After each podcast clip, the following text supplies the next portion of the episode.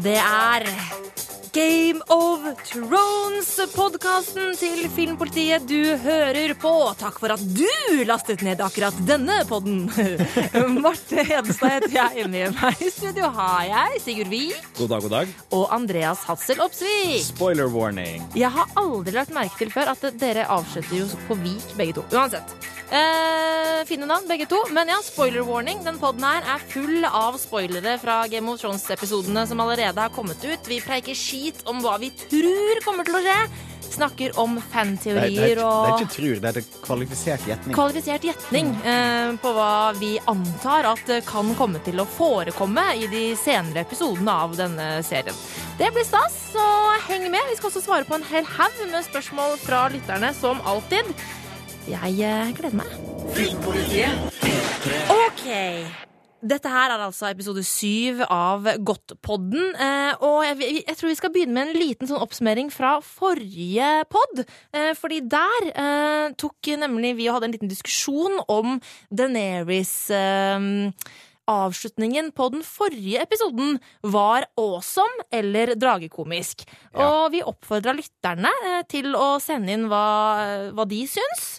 Det er da denne Eh, scenen hvor Daenerys uh, kommer inn på Drogon, viser seg for Dothrakin og Ja. holder nok en uh, patosfylt tale. Ja, og jeg sto veldig på mitt at jeg syns det var awesome, og dere to syns det var helt dragekomisk.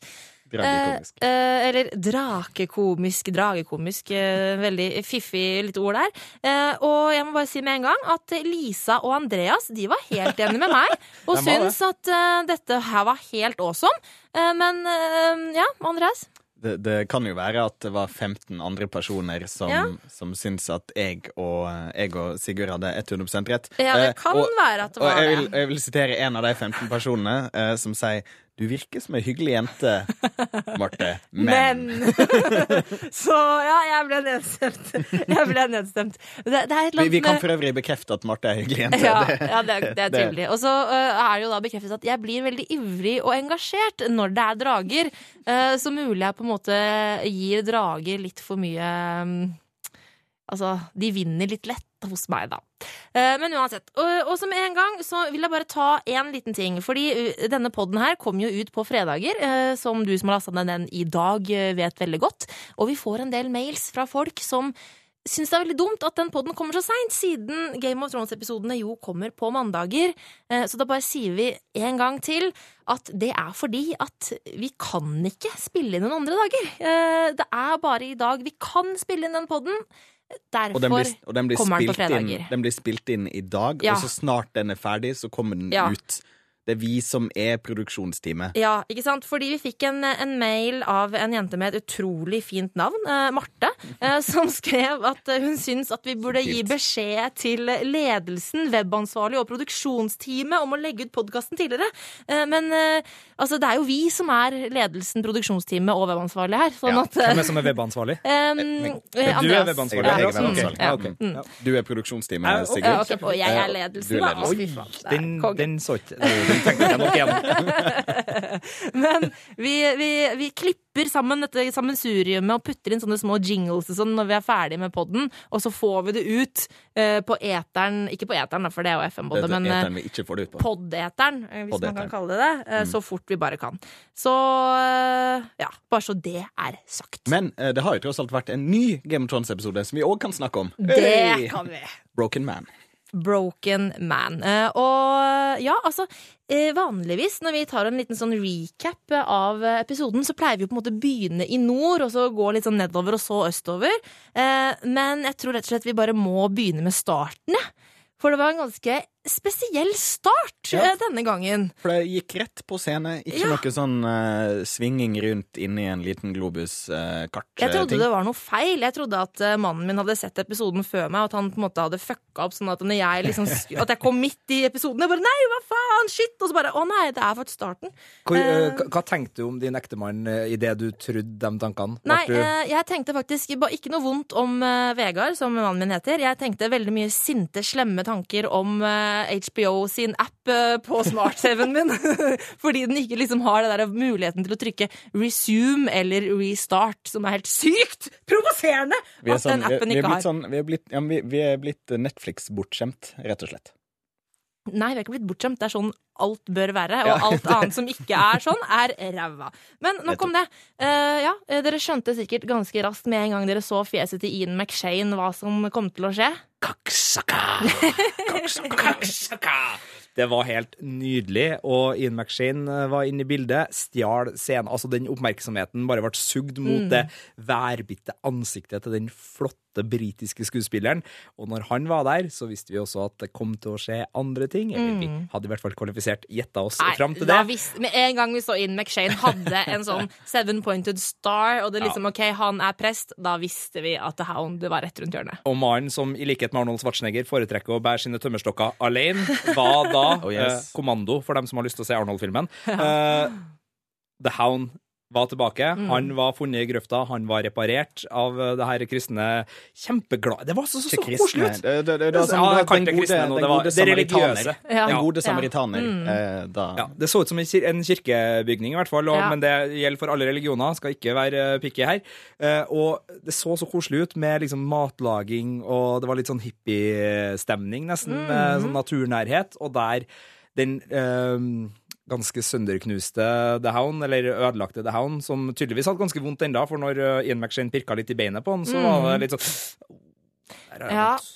Eh, og han var en veldig sånn Altså, The Broken Man heter jo episoden, og det var jo, det var jo ikke så mye kroppen jeg tenkte på som var broken. Altså, det var jo mest Han var veldig nedbrutt, godeste Sander. Altså, han, eh, han var ikke så ivrig på å fortsette livet, egentlig, virka det litt som. Men Veldig ærlig, for når han blir stilt spørsmålet uh, Hvilken mann var det som høgnet deg? Mm. Det var ikke noen mann, det Mm. var ei kvinne. Ja. Props til Han fortalt, fra Tarth. Han fortalte, Ja, sant, det er akkurat det. Eh, ordentlig slugger eh, han han har, Det er vel en sånn respekt der, rett og slett. Jeg tror det, han, han ville liksom ikke Han vil ikke vise at hun Han vil ikke si at hun var noe annet enn det hun var. Nei, ikke sant. Nei, men eh, det, det var en veldig fin scene, altså. Eller scener. Eh, men hva syns vi om at uh, rollekastingen av Ian McShane Altså, det har vært så mye oppstyr rundt at han skal være med i Game of Thrones. Så ble det med denne ene episoden. Jeg likte det kjempegodt. Det er sånn stuntcasting som fungerer. ja, det er et overskuddsprosjekt. eh, Litt som med, med The Three-Eyed Raven og uh, castinga av Max von Sydow i den rollen også. Han hadde Han jo en større, med, med, større rolle, men allikevel, det er skuespillere som bare kommer inn og ø, forbedrer. Altså, de kommer inn og, og gjør det rike, rett og slett, i kraft av sin egen person og sin egen aura. Så Mm. jeg syns det her fungerte veldig bra. Det er selvfølgelig eh, litt sånn, Når man først har Ian McShane inn i Game of Thrones, så hadde det vært artig med et par episoder til, men han skal vel spille inn noen Deadwood-filmer, så han er sikkert opptatt uh, framover, og det syns jeg håper det, i er greit. Jeg håper i hvert fall det. Men jeg, jeg syns det fungerte veldig bra. Eh, Det var en veldig vemodig slutt på det hele. Eh, Litt eh, holdt på å si dragekomisk eh, at eh, han, eh, The Hound hadde kommet seg så langt unna leiren at det var over eh, før han rakk å komme seg ned igjen, for det virka som han var bare sånn 100 meter unna Men han hadde ikke hørt noen ting av at Nei, alle var- ble drept. Jo, men, men tror ikke dere Altså, av alle de som var i den der leiren der, de de der soldatene som stik, går forbi og bare ser sånn, kaster et blikk over og ser sånn Ja, her er det stort sett eh, damer, gamle folk og liksom barn Mm. og sånn. Ingen som ser ut som noen ordentlige krigere. Og så står det en to meter høy kar der som ser ut som en ordentlig slugger. Vi, vi angriper når han er vekke. Ja. Men Alvorlig talt. Såpass Men, eh, eh, krigersk kan de nok De folka der som kom, det var jo ganske så interessant. For eh, de var jo eh, fra The Brotherhood Without Banners. Uh, og, Kakksakas! og, da, og det var jo eh, veldig interessant. For at, altså, jeg har liksom, når vi har sett The Brotherhood Without Banners tidligere, så har man jo litt sånn inntrykk av at de er litt sånn der Robin Hood, eh, tar fra de rike, gir til de fattige.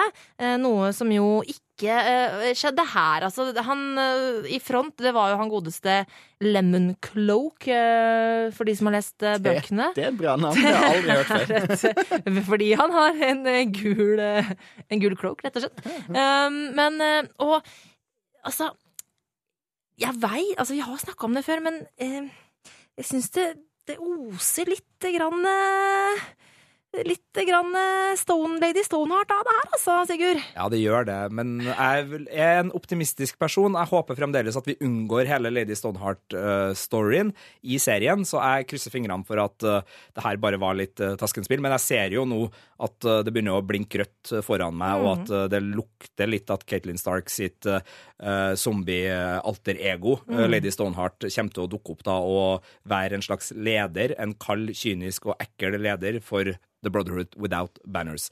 Men det er den ene delen vi kan trekke ut fra det her. Det andre vi kan trekke ut fra det her, kjære Marte, kjære Andreas, er jo at vi nå ser muligheten for Og der er jeg helt uenig med deg, Sigurd. Ja, men jeg sier ikke at det skjer, men jeg ser vi har nå fått Ja. bekrefta muligheten for Clegane Bowl. Ja. Skal du ha. Eh, men for det, det, det, jeg fikk ut av denne episoden her, var at eh, For vi visste jo Altså, Vi regna med 99,9 at eh, Sander Clegane var inne i bildet her. Altså, Vi regna jo veldig med at han kom tilbake. Men jeg tror ikke Det kan, det kan nok hende at eh, The Mountain og Sandor eh, møtes eh, til en kamp, men det blir ikke Clegane Ball i form av uh, Cerseys uh, trial by combat. Det er veldig tydelig ut ifra denne episoden her, mener jeg. Hvorfor det? Hvorfor det? Fordi at eh, nå kommer jo ikke Sandor til å dra til Kings Landing. Han kommer jo til å gå og jakte The Brotherhood Without Banners. Ei lita stund, ja. Jeg jo to episoder med Nei. Brotherhood-jakt, og så rett til King's Landing for en liten Eh, eh, ja, men Jo, så jeg- jeg jeg- tror ikke Ok, det blir hvem, hvem andre hvem, hvem er den logiske liksom i, eh, i den, den her trial by combat-saken som vi kommer med? Hvem er den andre, liksom? Hvorfor Ja, har altså- de med han Hvorfor har de med det han hvis han ikke skal komme Ja. tilbake og liksom få en sånn poetisk Og folk reiser jo veldig raskt i ja, Vi serien. kan jo bare spørre eh, Littlefinger om eh, på en måte, hvordan er det du pleier å bevege deg her. Ja, det, I'm teleporting, Ja, det kan hende at for folk har begynt å reise ekstremt raskt. Vi kan jo bare hoppe videre litt eh, vestover til noen som har reist helt latterlig raskt i denne episoden her, tydeligvis. Men før vi forlater Clegane-ball-muligheten, okay, så må ja. vi bare si at jeg og Andreas i går vi øh, ble såpass nysgjerrig på det her, så vi tok og satt på episode fem fra sesong én, Ja. øh, hvor vi faktisk har Clegane-ball øh, første versjon. Mm. Og det var ganske tøft å se, for da er det jo Sir Loras og The Mountain som er i duell. Mm. Og så har visst The Mountain fått seg en litt dårlig hest, så Sir Loras vinner jo den duellen. Da blir det dårlig stemning. blir veldig dårlig stemning. Først ryker eh, hestehodet, og så angriper The Mountain da Sir Loras, men The Hound hopper fram. Parerer bror sin ganske bra. Bra kamp. Men fordi kong Robert da bare sier 'Stop this madness in the name of the king!' eller noe sånt, eh, så går jo The Hound rett ned og adlyder sin konge, mens The Mountain brumler videre. Og det er et veldig viktig poeng, for den der eh, enorme adlydenheten som han tross alt viste der, den tror jeg han kan vise for andre òg, når han først Ja. finner en herre. Og det Ja. er det jeg tror Ja, han er kommer til å gjøre. da. Han kommer til å finne noen som kan være sjefen hans. Som han kan være lojal mot. Mm, nettopp. Og han er veldig lojal når han er han. først eh, har en herre. Men jeg er helt enig med deg, Marte. Det, er, det kan se litt dårlig ut for Clagainball i forhold til logistikk og, og nye på en måte, altså Hvorfor sender de ham i den retningen hvis han egentlig skal i den andre retningen? Mm. Så jeg frykter at det kanskje blir Clagainball først i sesong sju. Men Eh, som sagt, men folk reiser fort i denne sesongen. Jeg har ikke gitt opp, så, eh, så of jeg krysser fingrene for at vi får en uh, trial by combat Ja, der. Da Da skulle vi vestover. Uh, ja, jeg tenkte vi skulle dra vestover, uh, eller uh, til noen folk som vi trodde kanskje var til vest, men de er jo bare plutselig langt til helvete i øst. Fordi, altså Theon og Yara er jo bare plutselig i Volantis. På hvor mange episoder var det vi siden så dem sist? To? To. To. Det er jævla lang reisevei, ass. Med vind. Det et sykt Volvo raske skip. Ocean Race Game of Thrones-utgave. Knut det Frosta sånn- som kaptein. De er så sykt raske. Altså, hvis bare noen tar opp et sånt kart av Westeros og Essos, så er det på en måte Altså, Iron Islands er ganske langt nord på vestkysten. Så har de seilt liksom sørover, under og liksom bort, langt bort til Essos. Der har de bare reist på to dager, liksom. Men det hvor- OK, hvor, hvor er det bordeller? Ja, Hvor er det For ja jeg føler i det, det var Slavers sånn Bay. nå er, nå er det veldig lenge siden vi har sett liksom en sånn ordentlig bordellscene. Er det ikke det? Og så ble det jo det, da. Men den var litt kul, den scenen. da. Eh, Ja. kul, Vi fikk en eh, penisvits. Ja. Det gjorde vi. Det er lenge siden sist nå, egentlig. Ja, det begynner å bli litt eh, Mm. tid siden Uh... Og Yara Jeg, likte den den der litt sånn der taff, eh, tough tough, Tough love-greia som Jarla kjørte mot uh, Theon der, den har jeg plutselig veldig vanskelig for å snakke reint. Uh, men jeg likte den scenen litt, at hun på en måte satt litt sånn hardt mot hardt. Hardt mot hardt!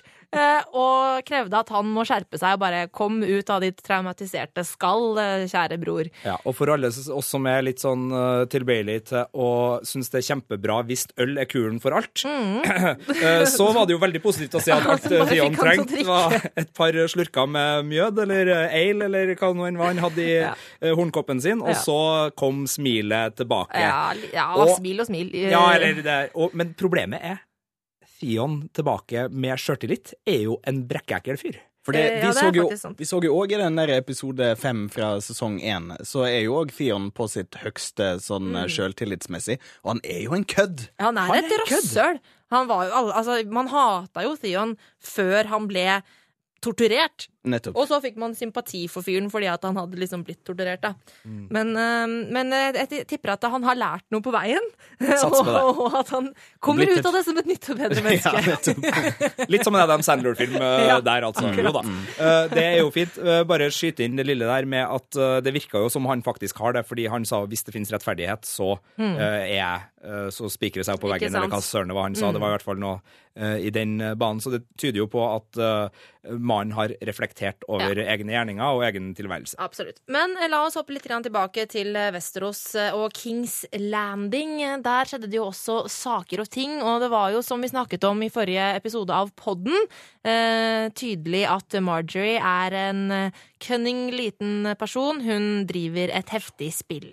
Det, var, eh, det var veldig sånn søt den der blomstertegninga. Som Ja. bare var sånn Vi satt og venta på det. At sånn, hun, må jo, hun må jo gi et eller annet tegn. Ja.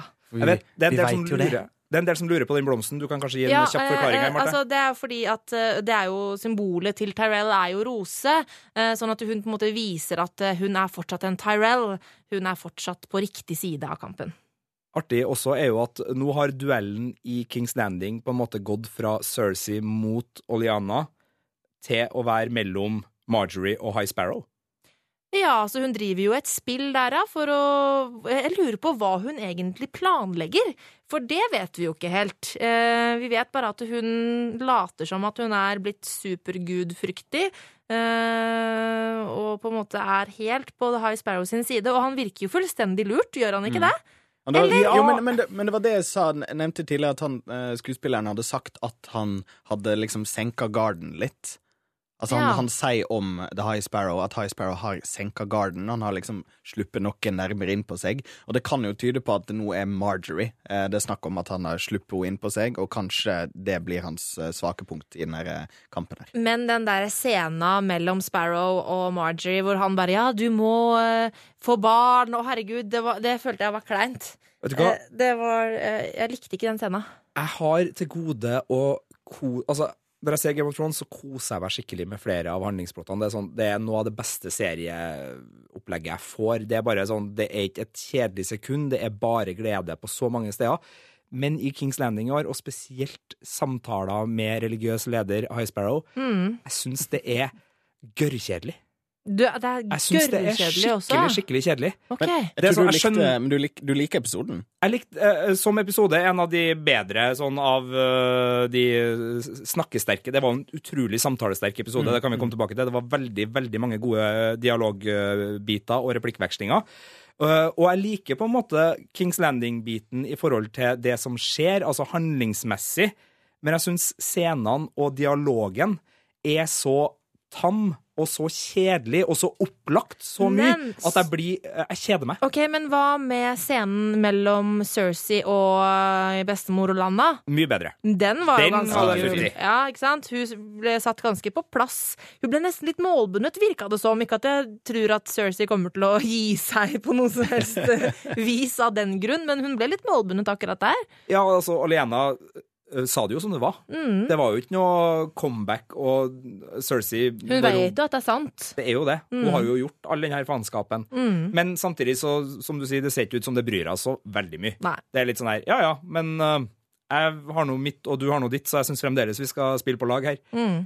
Men uh, da var det kulere det som skjedde med, med Jamie. Uh, altså Han eh, er jo i eh, Riverlands og satt eh, et par Frey-gutter noe heftig på plass. Og den der, den der, Hvis jeg skulle sagt at jeg slo deg, og så hadde jeg ikke gjort det greia, det var en helt det var, var, var fin. den, og, og jeg får liksom det, det er jo et hint av sånn tilbakekall til den der scenen der Tyrion slipper til eh, Joffrey for Ja. noen sesonger siden òg. Ja, det Så gøy. jeg tenker at det viser um, om ikke Jamie Jamie har jo vokst som menneske eh, fra det igjen eh, fra første sesong når han var asshole. Eh, så har han nok blitt en, en bedre menneske, men her så viser han jo at han har det derre den der ordentlig skitne hærførergreia veldig inne, da. Han har den drittsekken i seg fortsatt. for det er, for det, er, det er ikke bare de som personer han kommer inn der og fornærmer. Han liksom går inn og bare sånn 'Hallo, er bakdøra deres åpen, eller? Jeg kommer rett inn her! Hva er det som skjer?'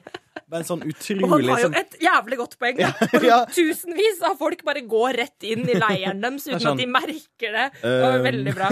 Ringeklokka deres fungerte ikke. Vi bare kom inn her. Vi, hva, hva gjør vi nå, liksom? Og så bare tar han over. Og så ta, han tar over. Han er Lannister og kommer inn og Det her er min kamp. Mm. replikk Uh, Altså, replikkgleden var så stor i de her sekvensene. For Ja, først så har du Bron, som kommer med en kjempekul liten replikk når Jamie skal si sånn Lannister always pays. Og bare Kjeften din! Hold kjeften din! Don't fucking Ja, say og for øvrig herlig å ha Bron tilbake Ja. i den duoen der. Den bromansen der. Det er, det er fint. Det er en veldig god bromance. Og Mm. så hadde du. Ja, replikkutvekslinga med Freyen, som du nå var inne på. Mm. Og så kom du jo til eh, rosinen i pølsa. Eller jeg er ikke så jævla glad i rosiner eller pølser. Det uttrykket er veldig rart. er rart. eh, si eh, eh, desserten, da, Ja. eh, som var den nydelige samtalen mellom Blackfish Ja. og Kingslayer. Og det aller, aller beste er når Blackfish eh, spør Have you come to resume your captivity? Altså, har du tenkt å fortsette ditt fangenskap? Det er så nydelig. Det, men hele den replikkvekslinga var bare Det Ja, var og den der, seriemagi.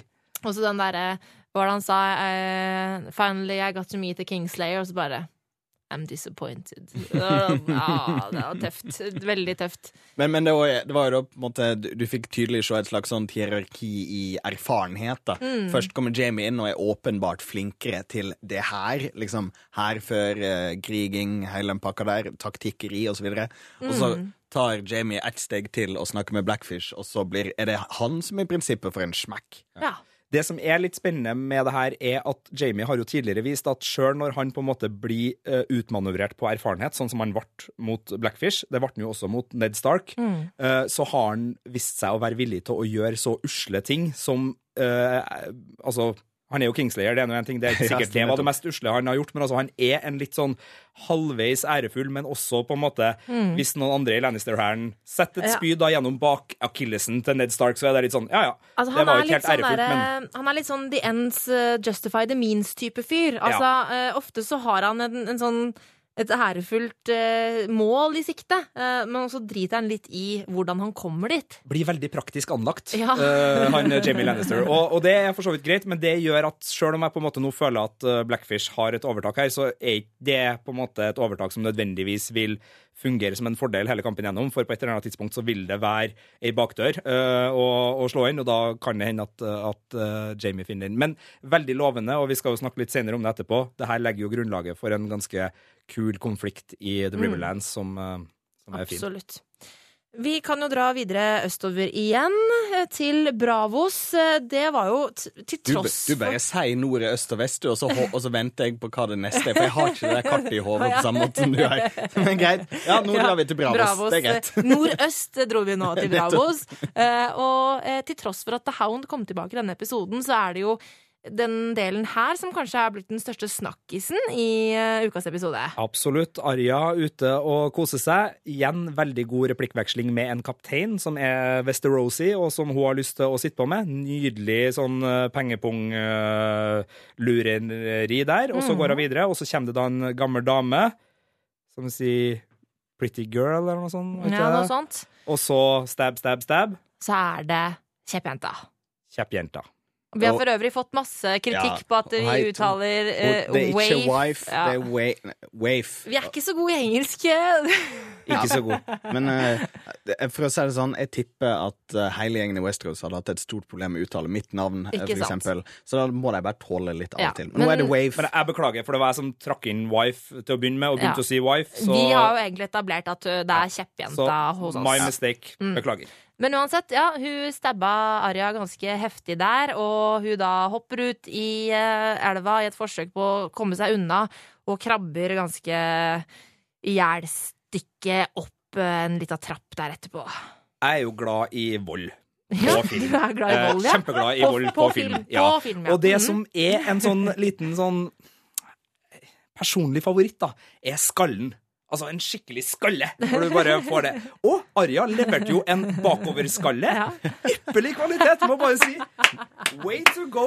Sånn glass, Arja. Glasgow Mm. backhand, liksom. Glasgow kiss backwards. Det var nydelig. Og det som skjer akkurat idet hun gjør det, etter at hun har blitt stukket i magen, det ansiktsuttrykket uh, gjør at jeg ikke tror at Arja er så skada som vi, skal vi teorisere Ja, Men det? for hun var veldig spretten. Ja, Sjøl til å ha blitt stukket i eh, magen. Og det her, akkurat det vi snakker om nå, har vi fått inn masse spørsmål om. Eh, så vi tar det vi ta det i Fanterry-watchen. Ah, så skal ok, vi diskutere Arja en hel del, så bare heng med på det. Så dermed drar vi tilbake til Vesterås. Det er veldig mye sånn framfarting mellom kontinentene i denne podden her nå, merker jeg. Eh, Men vi drar jo til noe av det som jeg syns var det feteste eh, i hele episoden. Eh, Hele sesongen. ja, altså, vi skal til Bear Island, og der var det ei viss lita jente som visste å sette skapet på plass, nemlig Liana Mormont. Fy faen, for ei kul eh, Tiåring. dame. Tiåring. Men eh, OK, det her er litt spooky, da. Vet dere hva hun heter? Ja, ja! Hun heter Bella Ramsey! Hun heter Ramsey til etternavn. Skuespillerinna, den ti år gamle jenta som spiller Liana Mormont, Ja. heter Ramsey til etternavn. Ja, og Bella betyr jo vakker, så det er liksom Vakre Ramsey er det hun heter. Ja, poetisk. Ganske Også, creepy. det er faktisk uh, fun fact. Uh, Game of Thrones har vært under utvikling ganske lenge. uh, og denne personen her var jo knapt født når planleggeren begynte. Kanskje! Nei, jeg, De jeg går ikke dit. kasta hun på grunn av navnet. Ikke bare visste Nei, de ga henne navnet for Ja, ja. ti år siden. Det var, du har Hold the Door, Hodor. Den ble tidlig planlagt. Og så hadde de Bella Ramsey da, som skuespiller. Nei. Ja, ikke sant? Men en helt nydelig sekvens. Ja. Og igjen, da, øh, all ære til øh, øh, godeste Liana Mormont, men også et stort, Davos. stort, hjerte hjerte til Mm. Davos, som kommer inn og er akkurat den vi vil at han skal være, med akkurat den motivasjonen vi vil at han skal ha. Ja, eh, og så syns jeg samspillet mellom disse to minner meg litt om samspillet han hadde med datteren til Stannis. Mm. Altså, det er en, en, sånn, en sånn fin greie han har med, Med små barn. Ja, med barn.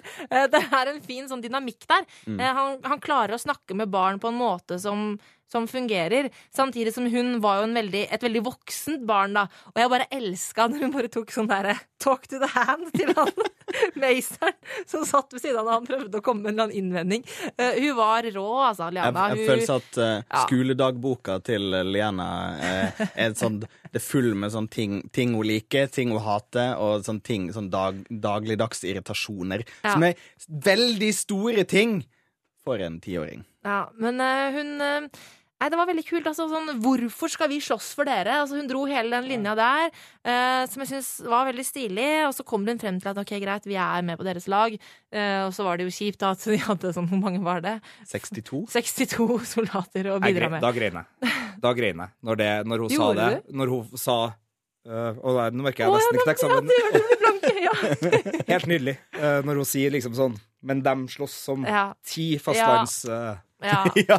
Og nå det ble det, nå ble det er et eller annet med sånn små øyer og, Ja. og sånn enorm sjøltillit, altså. Å, det var fint. nå, nå, er, nå er Sigrid skikkelig blank i øya. Det er Nei, det var, det var helt nydelig. Og uh, det var et høydepunkt. Det som ikke ikke var like bra, var jo da neste runde Altså, Sansa og John hadde ikke helt uh, dialogdagen sin. Greit nok, det. Og så, uh, sånn dramaturgisk, så var jeg nesten litt overraska over at de valgte å ta Bear Island først, Ja, og så sende dem videre til, til neste måte hvor de da får et nederlag. Hvor Ja. de ikke Så det, det Ja, egentlig. uh, men det har jo noe med hvor, hvor det ligger, selvfølgelig, i landet. Altså det er naturlig å dra til Bear Island og så sørover til Deepwood Knot etterpå, men eh, dramaturgisk så er jeg enig at det passa kanskje ikke helt. Nei, men samtidig så passer det jo fordi de drar det videre lenger, da. For hvis det bare hadde slutta der, så hadde det vært en ting, men de drar det jo videre til på en måte samme plassen hvor Stannis hadde øh, sin her, og du får liksom se gnisningene internt mellom Mm. Mm. soldatene, så du får liksom virkelig dratt det ned sånn OK, Ja. det her funker jo ikke i det hele tatt. Nei. Og så Ja, ser du den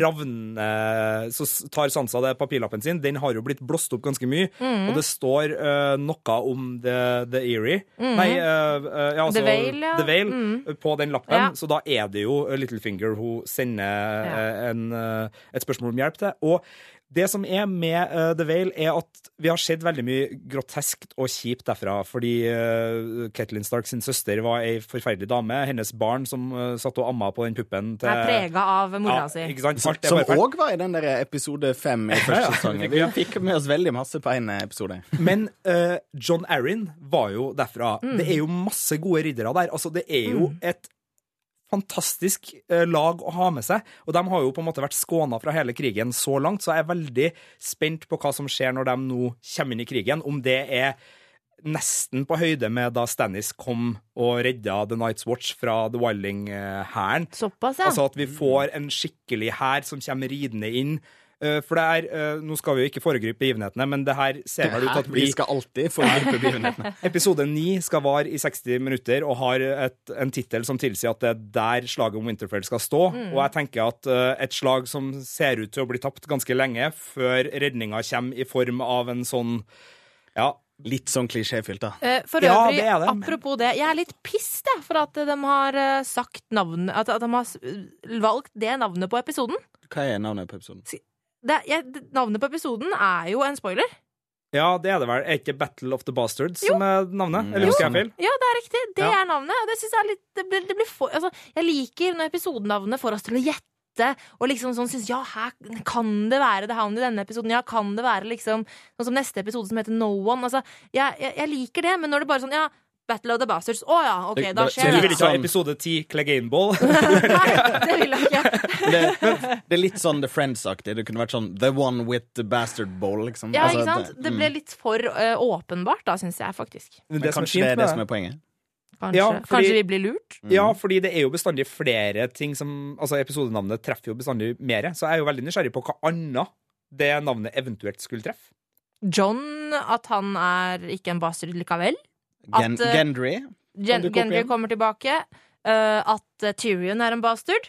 Det er mange muligheter. Det er mange all the bastards! Så- All the bastards. All the bastards. Det er, Ja, det er muligheter her. Ja, okay. Men uh, det var vel episode sju? Uh, ja, The Broken vi, Man? Ja, det var vel det. Det var jo litt Wildning-preiken der òg. Ja, Ikke den mest interessante samtalen i episoden, men allikevel en fin samtale Ja. hvor Jon Snow fikk lov til å være ydmyk, Mm. men respektert nok en gang. Og One-One. Uh, Ja, han var er kul. one. Han, Ja, han er kul. er kult. Filmpolitiets Game of Thrones-podkast. When you play the Game of Thrones, you win or you die. Da, mine venner, skal vi videre til ukas Shame. Oh yes, ukas shame.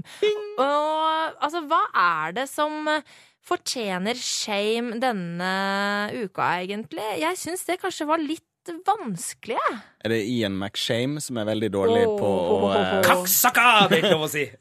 Han, er- han, altså, ja, ja, det, altså, du syns jo det var fint i stad, men det, det kunne jo vært en shame til serieskaperne for ikke la Ian McShane bli lenger. Eh, Jeg er helt enig i at det her er den vanskeligste episoden å gi shame til, fordi at nivået er veldig jevnt. Mm. Og vi har nok ulik oppfatning av hva som funka og ikke funka, tror jeg litt. Så for meg så er fremdeles manus, altså dialogskrivinga i uh, den religiøse delen av Kings Landing det som funker dårligst Jeg var ikke så fan av den, akkurat den scenen mellom uh, Sparrow og Margie, hvor han oppfordrer henne til å gå og pule på den uh, tenåringskongen. Eh, men ja, hva med deg, Andreas? Ja, men jeg er faktisk veldig enig. Denne episoden så var det ingen Det er liksom ingen sånn åpenbare det er, altså, Ja, Ian McShame var åpenbart bare tull. Eh, jeg veit faktisk ikke. Skal Nei. vi shame Brotherhood Without Banners, da? Ja. Skal vi shame dem? skikkelig Altså, De Ja. var jo, var jo en hyggelig gjeng. Det var en gjeng vi heia på. Og så bare De gikk fra å være cloak. Robin Hood til eh, slaktere av uskyldige mennesker. Kan jeg hive på en liten shaming? Fordi det er også irriterende, for at da er det mer sannsynlig at det blir Lady Stoneheart, som jeg ikke vil. Yes. Så jeg hiver på en ekstra shaming for at det Ja. ser ut til at det går i feil retning. Ja, eh, vi tar og gir ukas shame til Lem og hans eh, Brotherhood Without Banners, som eh, knuste disse folka. Sitronkappa høres ut som verdens dårligste superhelt, for øvrig. Men allikevel så vil jeg bare høre Marte si uh, kallenavnet hennes en gang til. Lem. Kjempefint. Takk skal du ha.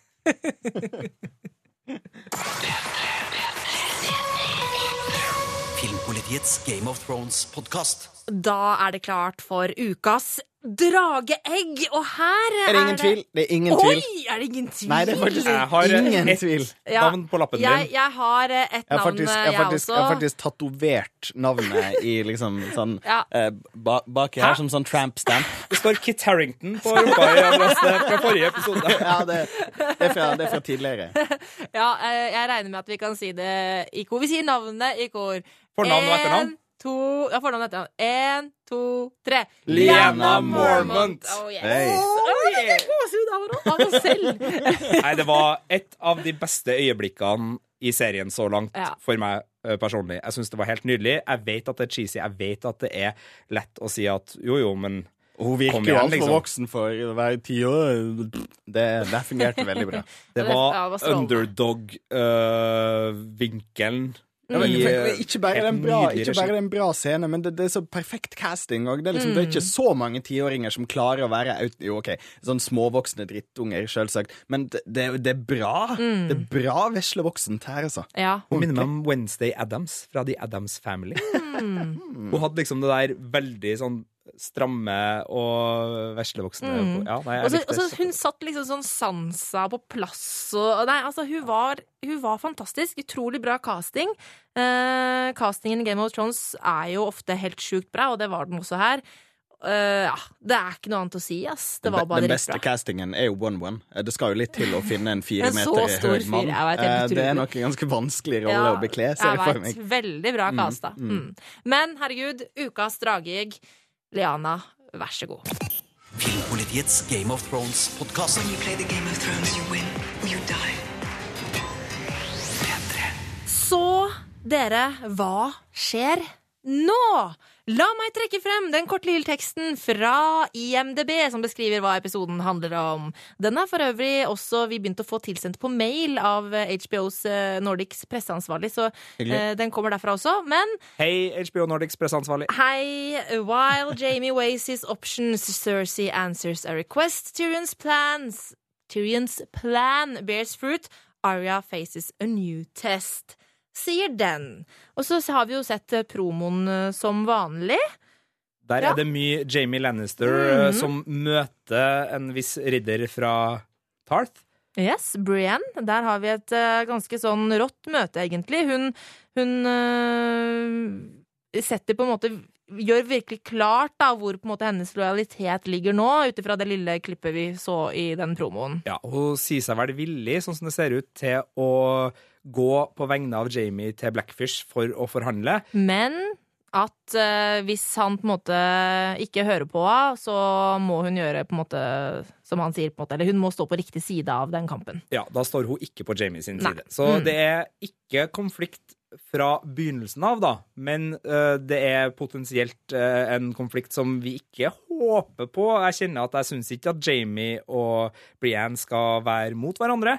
Nei Eh, da, vi liker jo dem sammen. Egentlig så vil vi jo at alle som er eh, rundt eh, Riverrun nå skal bli kompiser. Venner! Eh, Bortsett fra Walder Frey, som skal få uh, et eller annet og en plass der sola ikke Ja. slipper det, og slutt å klapse unge jenter på baken og bare dø. Ja. ikke slott, Slottet hans er jo en plass der sola aldri slipper til, Ja. strengt alt Så. Send dem tilbake dit, da. Ja, Eh, ikke, og så at uh, Jamie heller kan bruke hæren sin på å bli med onkel Blackfish på et lite ekspedisjon nordover. Nå er, nå er vi farlig nære sånn dårlig fanfiction. Ja, Ja, ja, jeg vet, jeg, må jeg vet. jeg må stoppe dere. Ja, jeg vet. Fordi vi, vi har enda ikke snakka om det kuleste som skjer i den promoen.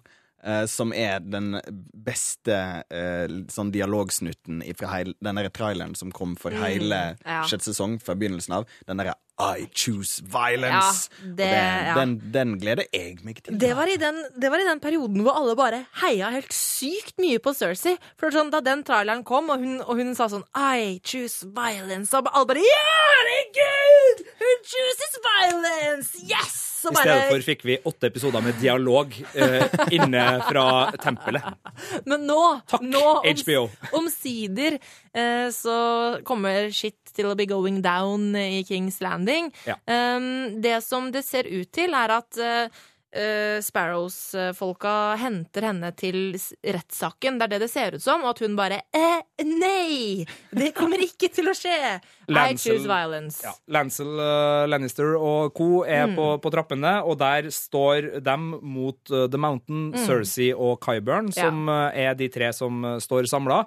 Dette er jo nok et slag i mellomgulvet for meg som heier på Clegane for det virker Ja. jo som at eh, det trial by battle som vi har håpa skal skje mellom The Mountain og The Hound, eller som jeg har håpa skal skje der, eh, kommer for tidlig. Det kommer for, hvis men- det allerede begynner å, Men, å men seg til noe. nå. det jeg tror eh, som skjer i den promoen av det vi ser at eh, Vi ser på rustningen til The Mountain at han hadde vært noe hakking der. Han har noen bulker i rustningen. rustningen. Eh, og at det er en fyr som ligger nede, som er The Mountain holder han nede og sånn.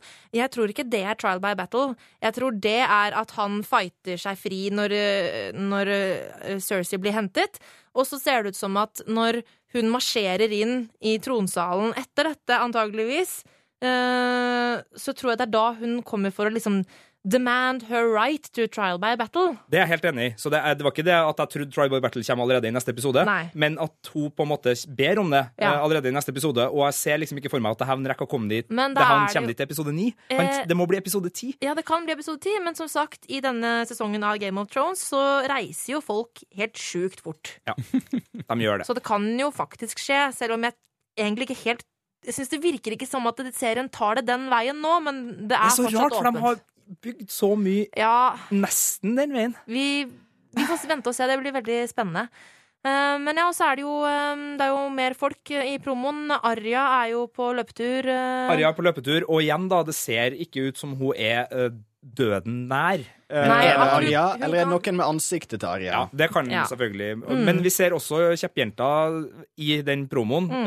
Et kort øyeblikk. Hun ser ikke veldig happy ut. Det gjør hun jo aldri. Nei. Men at vi skal fortsette eh, vår eh, runde Altså, nå føler jeg at den har vart i fire episoder, den Ja. Arja Want to break free-greia. Ja, men, men den nå har vi jo glemt å si hva episoden heter. Jeg nevnte det så vidt i stad. Den heter No One. Ja. Eh, Så det tyder jo på at det er i denne episoden vi får på en måte avslutningen på, på denne sekvensen med Arya. Nå får vi vite hvordan det går med Arya hos uh, The Faceless Man. Ja.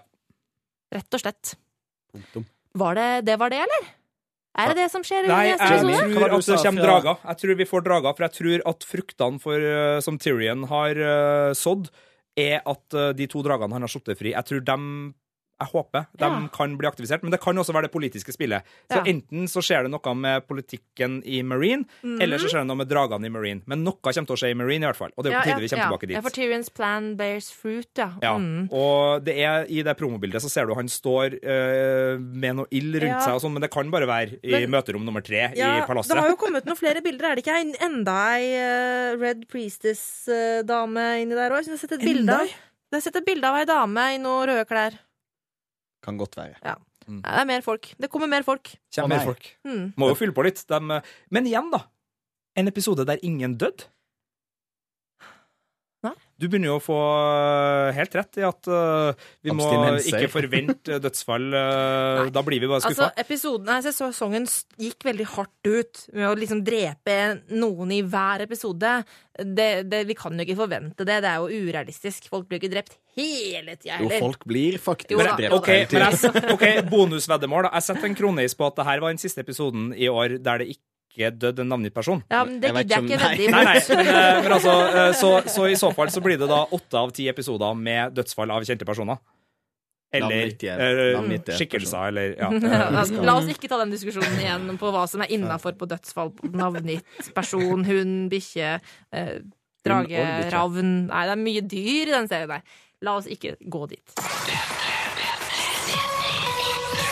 Filmpolitiets Game of Thrones-podkast. Men la oss gå til Fan Theory!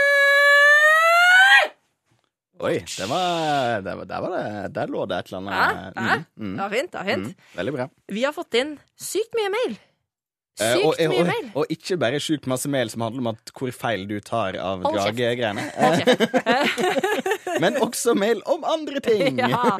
Eh, og Men jeg- eh, mest mail om det at Marte tar feil? Oh. Det var absolutt mest oh, mail om Så prosentmessig, Andreas, skal vel du anslå at tror, jeg tror jeg kom frem til at det var ca. 11,7% som mener at Marte hadde rett. ja, Det runder vi ned til under 10. ja, Mm. så, Ja, så 90% mener at Marte tar feil. 90% av fornuftige mennesker som hører på Filmpolitiets Godtpod. yes. OK! Ok. Over til ting som folk har sendt inn som ikke handler om drager. Eller akkurat den dragen, da. Eller Eh, den gangen. eh, Den med gangen dragen. med den dragen. Eh, For Magnus han har sendt inn et, et, et sånn artig lite mm, tankespinn her. Eh, Han skriver Vi vet at Gendry er en særdeles dyktig smed. Gendy eller Gendry? Gendry, Gendry, ikke ta meg på uttale av disse navnene. Eh, han skriver Jeg tenker at det ikke er umulig at han ender opp med å få en av de viktigste rollene i kampen mot The Others. Eh, the, the Others er for dere som ikke har lest bøkene, altså det som TV-serien kaller White Walkers. Eh, som eh, en smed av valyriske stålsverd. Det hadde vært utrolig morsomt om han på en eller annen måte får samarbeidet med Danny og hennes drager for å smi disse sverda. Ja, eh, Som kan da kjempe mot White Walkerne. Så skriver han litt videre om det. Er ikke det en kjempeinteressant tanke? Jo, for det er jo litt sånn Hvorfor, hvorfor ta med en person av kongelig blod, mm. som er en veldig flink eh, smed, Ja, ikke sant? Og bare putte han inn i handling? Og igjen, da, vi har kødda mye med at uh, Gendry, Gendry nå uh, svømmer rundt med verdens største overarmer en eller Ja. plass i Vesterås. Uh, Så de må jo store biceps, og han har rodd og rodd. de må jo ha gjort et eller annet. De må jo ha gjort, de må jo gjøre et eller annet med han. Han kan jo Ja. ikke bare bli borte sånn. Uh, og det er en kul tanke. Ja, for jeg tenker at George Martin han, han skriver ikke inn ting tilfeldig i bøkene sine. Og når det på en måte poengteres så mange ganger at Gendry er en smed, og ikke bare en smed, men en skikkelig dyktig en også, Mm. eh, så tror jeg han kommer til å smi noe valyrisk stål altså, i løpet av eh, bøkene slash serien. Er ikke det Magnus, drømmejobben din, da? Å stå med drageild bak og Jo. smi eh, og stå på? og han, Ding, ding, han skriver ding, jo- ding.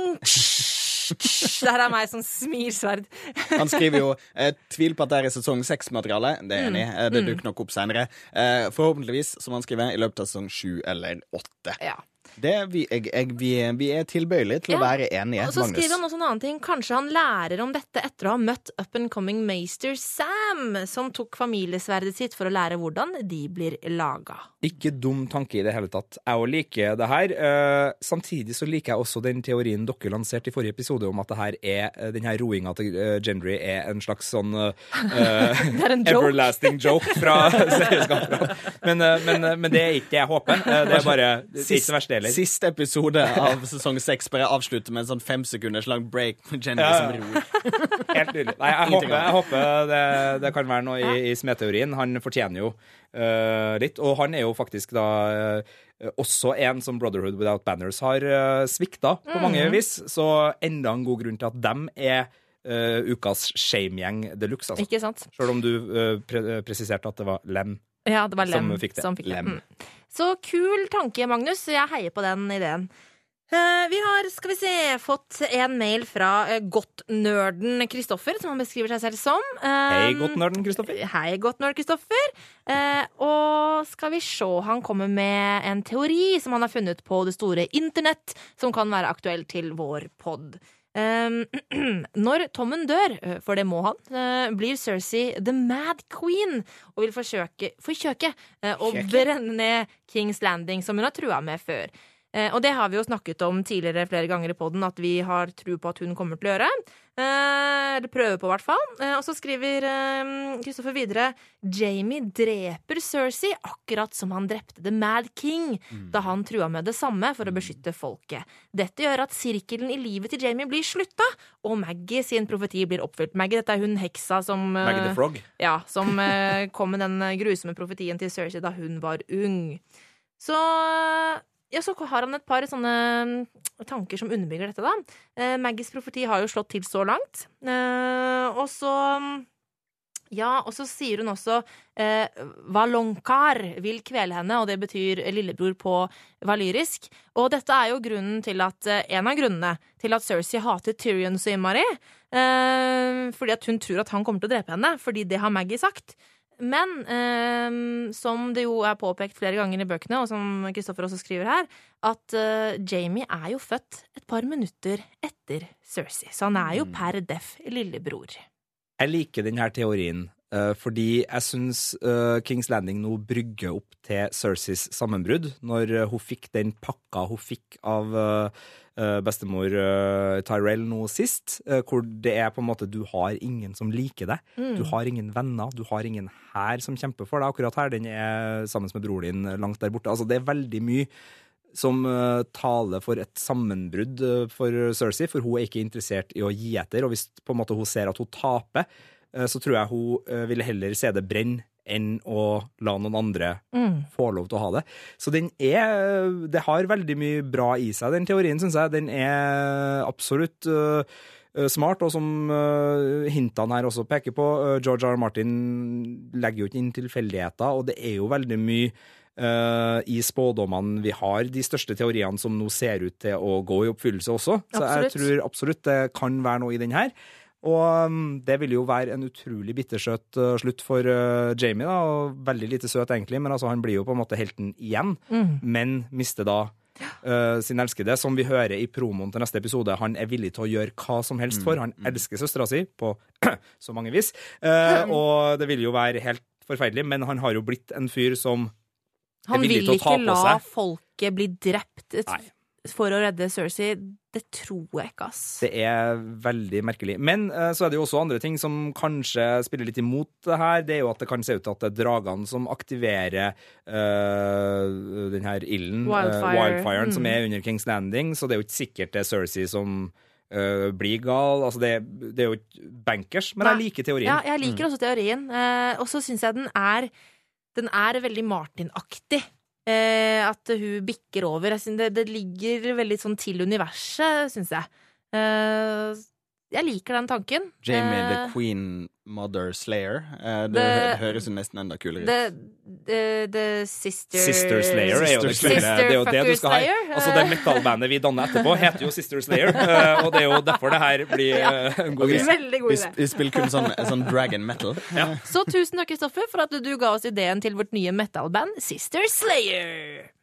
Eh, Men vi har jo fått inn en hel haug. Eh, Vi må ta noen mer spørsmål. Jeg, eh. jeg har et spørsmål som jeg likte veldig godt. OK, da, da skal du få lov å si det, Som, som, er, som er litt uh, Det er ikke teit, uh, men det er kanskje bitte litt off topic. OK?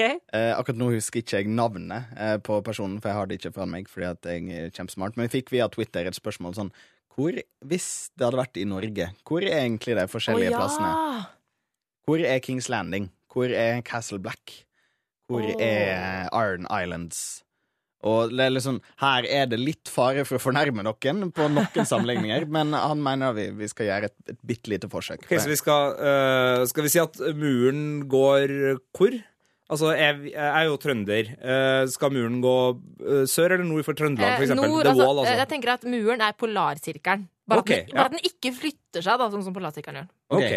Ja, det, det da, har vi, da har vi sittet én Så, Da har vi så det er eh, ikke liksom den plassen der vi har utstasjonert mennesker langt nord i vårt land for å beskytte oss mot en mulig, kanskje fiktiv fiende? Altså, du tenker på Kirkenes? Jeg tenker Sør-Varanger og liksom mot uh, russere uh, og så videre. Bjørnøya kan jo være Eh, ja. Der er det jo uh, oh, Bjørnøya er jo Bear Island. Ja, det er det, ja. Beklager. Selvfølgelig er det. Altså, Kings Landing, eh, en by fylt med relativt rike mennesker, Ja, eh, som det er veldig mye gjeld, ja. åpenbart, i den der eh, største familien i hvert fall.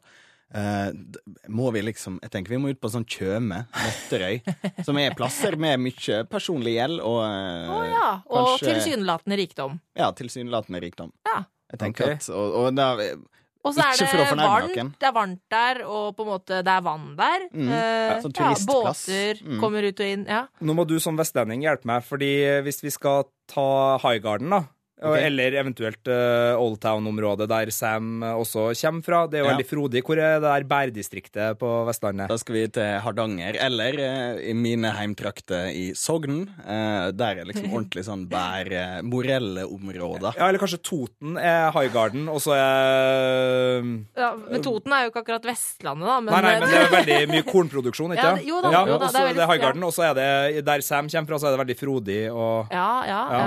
Eh, Vinprodusenter, hvor har vi dem? Altså, hvor er Dorn? Eh, Oi. Eh, det, er jo, det, kan- det må jo være Las Palmas, det da. Det er jo nok nordmenn, det der. Gran Canaria. Det er rett og slett vin, Kan, vinområdet. kan eh, festningsbyen er, altså Det er jo mange festningsbyer her, og Trondheim er kanskje ikke en festningsby. Kan Trondheim få være Winterfell, eller er det for Nei, eh, vi er, vi det er for langt der? sør. Okay. Ja, har vi noen Na, festninger jeg tenker sånn Narvik, det er sånn krigsområde, ikke det? Eh, der har det skjedd mye. Er det, det er kanskje ikke en festningsby, da? Nei, det er jo ikke det. Harstad?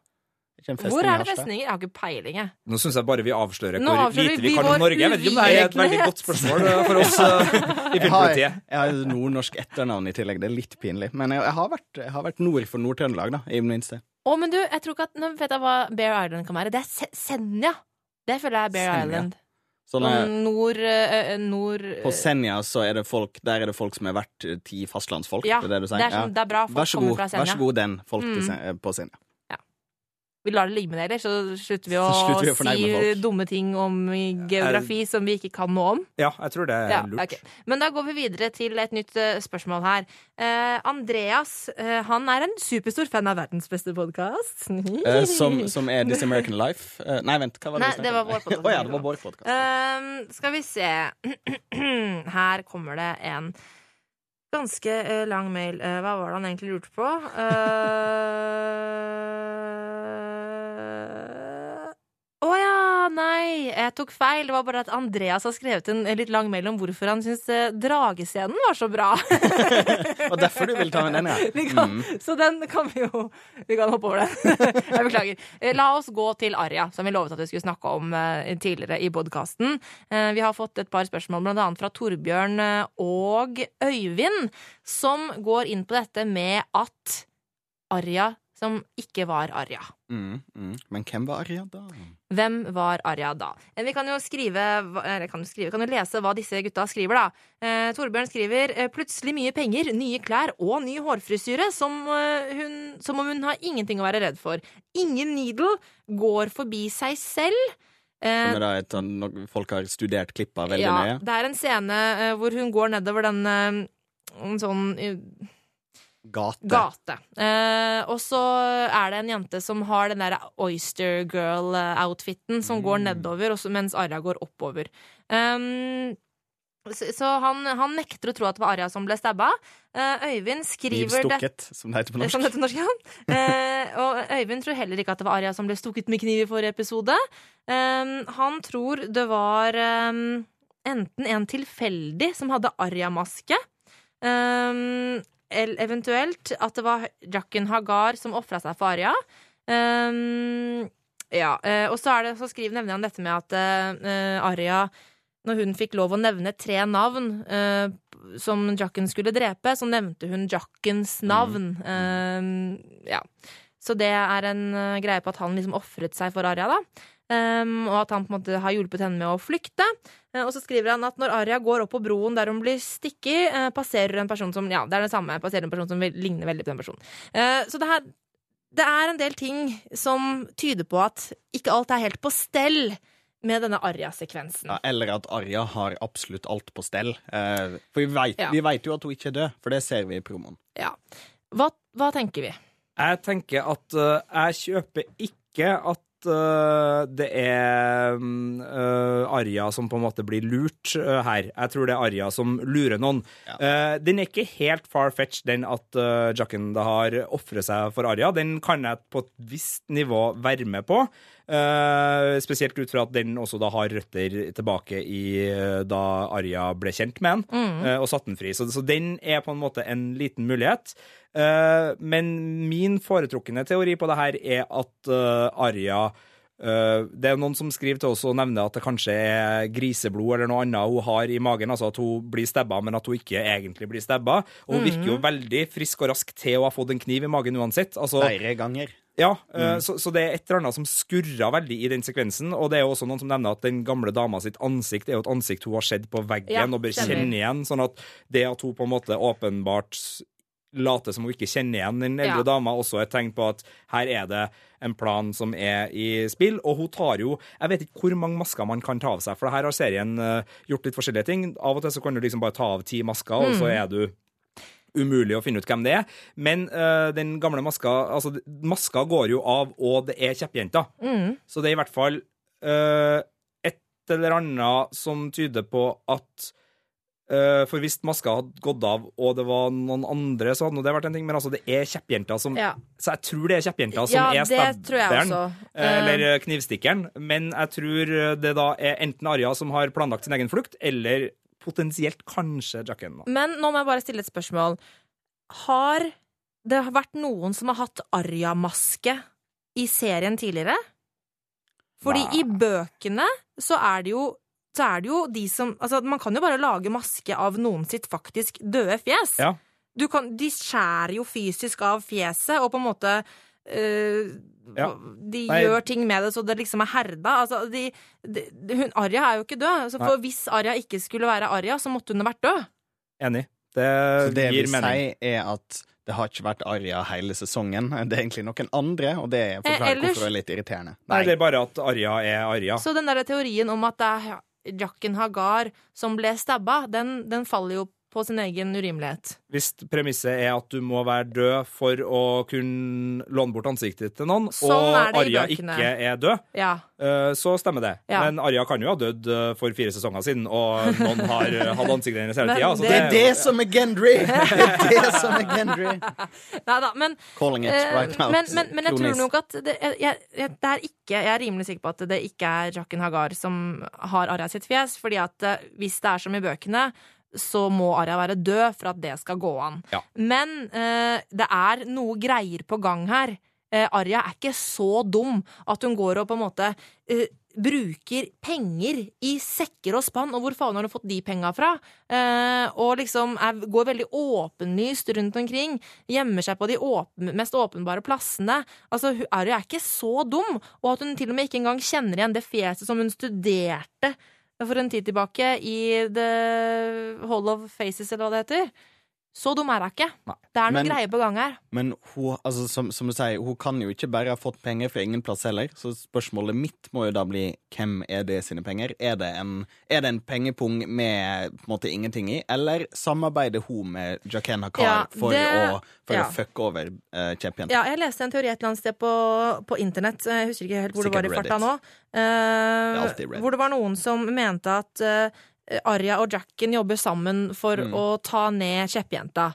Fordi at, det, som vi også nevnte i forrige episode av podden, så har jo hun vist seg egentlig å ikke være verdig, fordi at Så selv om hun ikke har gjort noe sånn Hun har ikke drept noen hun ikke har fått lov til, eller noe sånt noe, men hun har sine egne egoistiske følelser på en måte med i spill. hun er ca. like uh, pålitelig og sjarmerende som Littlefinger på sitt verste. Ikke sant? Eh, Og selv om Jacken sa til henne at hun ikke skulle på en måte Don't eh, make her suffer eller noe sånt noe, så var det ikke akkurat et, et a clean kill. Hun skar ikke bare rett over halsen på henne selv. Hun stakk og stakk, og det var ganske sånn sivrei om kniven, og fikk av, hun ville at Arya skulle lide der. Ja. Sånn at um, det kan hende at eh, det rett og slett er Jacken og Arya som skal ta ned eh, kjeppjenta. Det kan være det. Jeg liker den. Eh, Og det kan også på en måte Nå husker jeg ikke helt detaljene, så det er mulig jeg tar helt feil her, men hvis Arja på en måte har igjen et dødsfall uh, å be Jacken om, har jeg det? Eller har hun brukt alle Eh, nei, altså fordi at hun fikk tre, eh, og så brukte hun de to første. Ehm, og så eh, tror jeg ikke hun brukte det siste. Altså hun fikk, han hjalp henne med å rømme.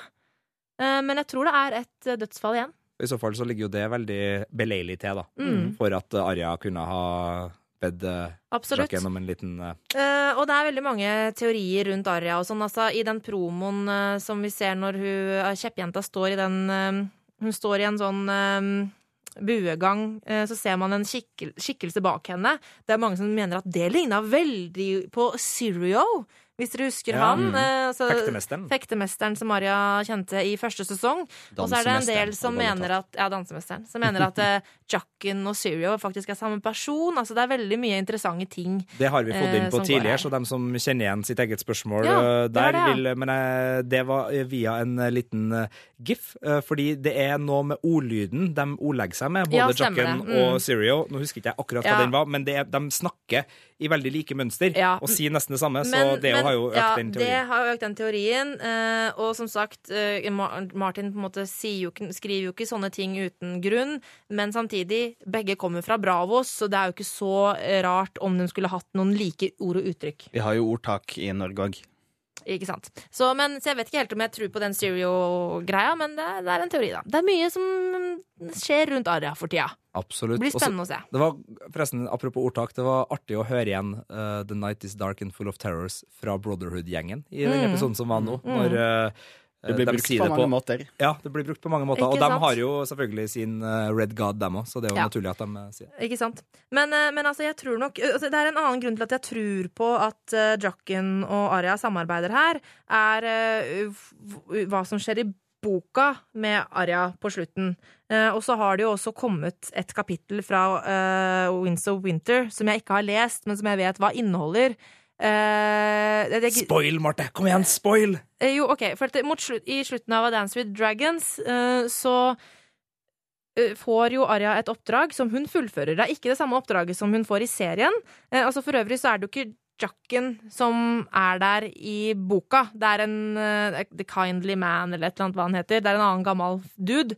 som gir henne oppdrag og sånn. Men hun, hun får da et oppdrag som hun fullfører, og hun da på en måte blir tatt taken into the fold. Altså hun får en sånn kappe, og liksom nå er du inne eh, hos oss, eh, og blir satt til å være sånn, hva heter det, apprentice på norsk, altså lærejente, eh, hos en viss eh, leder for en teatertrupp. Mm. Eh, og det er jo han eh, Richard E. Grant. Richard som E. I, Grant. sam, hva heter det I heter? Isambero?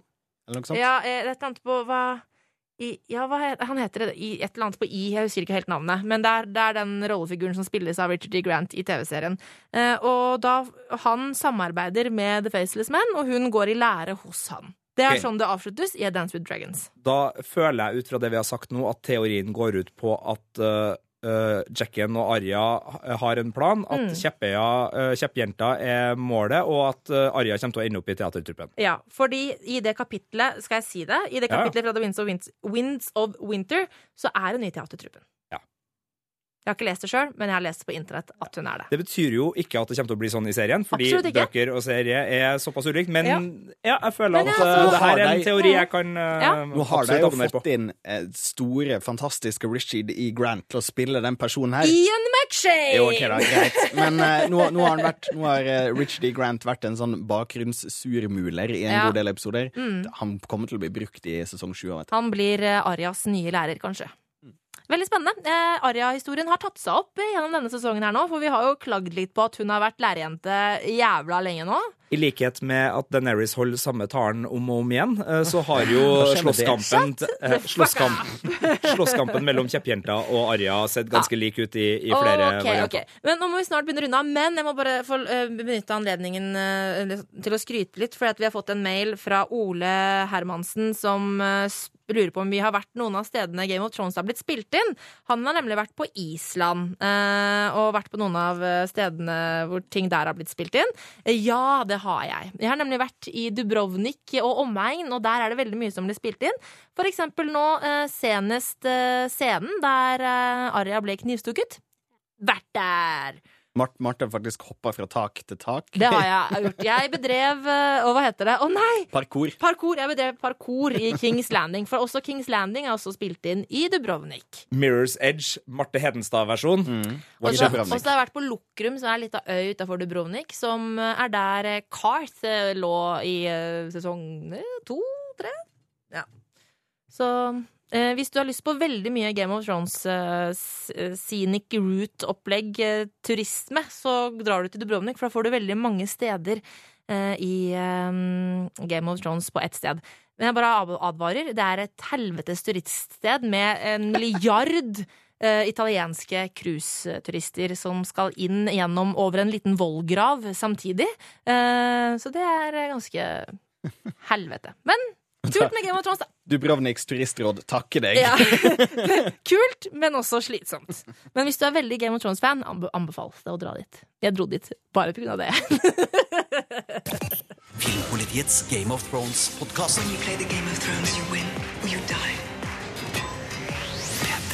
Nå skal vi inn i det mørke og ukjente! Fordi det er på tide med Death Watch. Hvem dør i neste episode? Yes! Hvem dør i neste episode? Jeg har ikke peiling! Bare si før vi begynner å gjette, det har da vært to episoder på rad nå hvor ingen har gått i vei. Ja, Men nå kommer folk til å dø. Ja, og jeg har jeg vil ha, Altså, Det er jo jeg- veldig jeg- åpenbart. Ja. Ok, eh, altså Kjeppjenta dør jo i neste episode. Ja, Men, Andreas, du kan få det er å ikke si. jeg skal ta. Jeg mist, nå ser Sigurd så stygt på meg at jeg mistenker at vi har samme person. Jeg tror at Lance Lannister dør. Ja. Ja, og nå viser Sigurd meg en lapp som det står Lancel på. Eh, Så han hadde, han hadde skrevet opp før Andreas sa det, men Andreas var først, så han calla det. Så, jeg, ja. jeg går eh, all in på Lancel Lannister. Jeg tenkte det, skjønner du. Men så sa, du, så, så, så sa Sigurd sånn Ja, ehm, men jeg var først sist, så nå kan dere andre Ja. være først. så da tok eh, Andreas den, og da tar jeg bare kjeppjenta som eh, du har drevet og heid på eh, dritlenge, Sigurd. Så tar jeg den. Så kjeppjenta dør, Lancel dør. Ja, Jeg hvem håper tror du dere kveles på, tro, på kronisene deres, begge to. Vi dør! Han håper at vi dør neste gang. Hvem andre er en kjeppjente av Lancel er det du tror dør av, Sigurd? I neste episode? Tror du at ingen dør? Det Da driver vært- sikkert og går sånn rundt i studio. sånn sint fjes.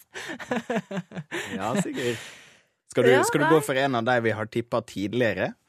Vi har jo, vi har jo tippa både Tommen og Paisel og Lauras. Ja. Um, ingen har jo, har jo, hadde jo vært treff to ganger, i motsetning til alle andre som har dødd. Mm. ja. Ja, Sigurd. Dere er kjipe mennesker. Dere er skikkelig kjipe Du mennesker. fikk begynne sist. Tre ganger på rad har jeg tippa kjeppjenta. ja, jeg veit. Men Så eh, kommer du og stjeler. Det er som å ta godteri fra barn. Og det, jeg føler meg det er ikke bare fordi at det er enkelt at det er et fælt bilde. Det er utrolig dårlig gjort, Marte. Det er en grunn til at man ikke skal stjele godteri fra barn. eh. Uh, Med mindre det er veldig treige barn, for da er det faktisk greit. Ja. Mm. Um, OK, hvis den duellen mellom Cersei og uh, fetter Lancel og The Mountain og resten av Sparrowsen eskalerer, så står det jo en tredje person, uh, sånn såkalt innocent but not so innocent bystander, i den gjengen, og det er jo Kyburn. ja. Uh, men jeg ser ikke for meg at serien er ferdig med å bruke han. Um, kan jeg sette en kroneis på uh, Hva heter han dummeste av Nei, Frey, jeg tenkte på Frey-brødrene. Nei, dem Noen må jo ryke bortpå der. Edmure! Jeg sier Edmure, bare i mangel på noe annet. Edmure Tully. Og det stiller jeg meg bak, fordi Ja, jeg vil at han skal dø. Fordi i en annen serie så spiller den skuespilleren Vi har allerede snakka om. Outlander Ja. mange ganger. Så ja, OK, greit. Eh, Edmure Tully, Edmure ja. Tully på Sigurd der, og Lancel på Andreas, og Kjeppjenta på meg. Der røyk den Slutt å skrive lappen. lapper med Dere ser lappene mine, det er det. Nei. Så uh, altså uh, Det ene var vel mer eller mindre synlig i promoen, og det andre har vel ligget i kortene ganske lenge, så jeg skal Ja. på ingen måte ta på meg noe slags ære for å være den smarte som hele tida har skjønt at uh, Så det var ganske, ganske greit. Ja da, ja da, ja da. Det blir spennende å se. da. Det blir det. Håper dere får sove i natt. Med samvittigheten deres og sånn. Filmpolitiets Game of Thrones-podkast. Da var vi ved veis ende. Tusen takk for at du enten streama podkasten vår, lasta den ned, eller hva annet er det man kan gjøre med podkaster? Hør på den. Høre på den. Eh, Takk for at du hørte på. Det er veldig vesentlig. Og tusen takk til alle som sender inn enten kommentarer eller fanteorier eller spørsmål. Det er kjempeartig, og nå begynner det jo å dra seg til, så kjør på med mer, da. Send oss mail på filmpolitiet, alfakrøll, nrk.no og resten. Ja, vi har vel en Ja. jingle som forklarer det her, Vi har vi ikke? har en eh, jingle, så vi kan jo bare si eh, so long, motherfuckers! Vi høres igjen neste uke! Spørsmål, teorier eller innspill? Send en e-post til filmpolitiet, alfakrøll, nrk.no. Now it begins. Now it ends. Filmpolitiets Game of Thrones-podkast. Absolutt ikke spoilerfri sone. Ny episode hver uke på p3.no Filmpolitiet.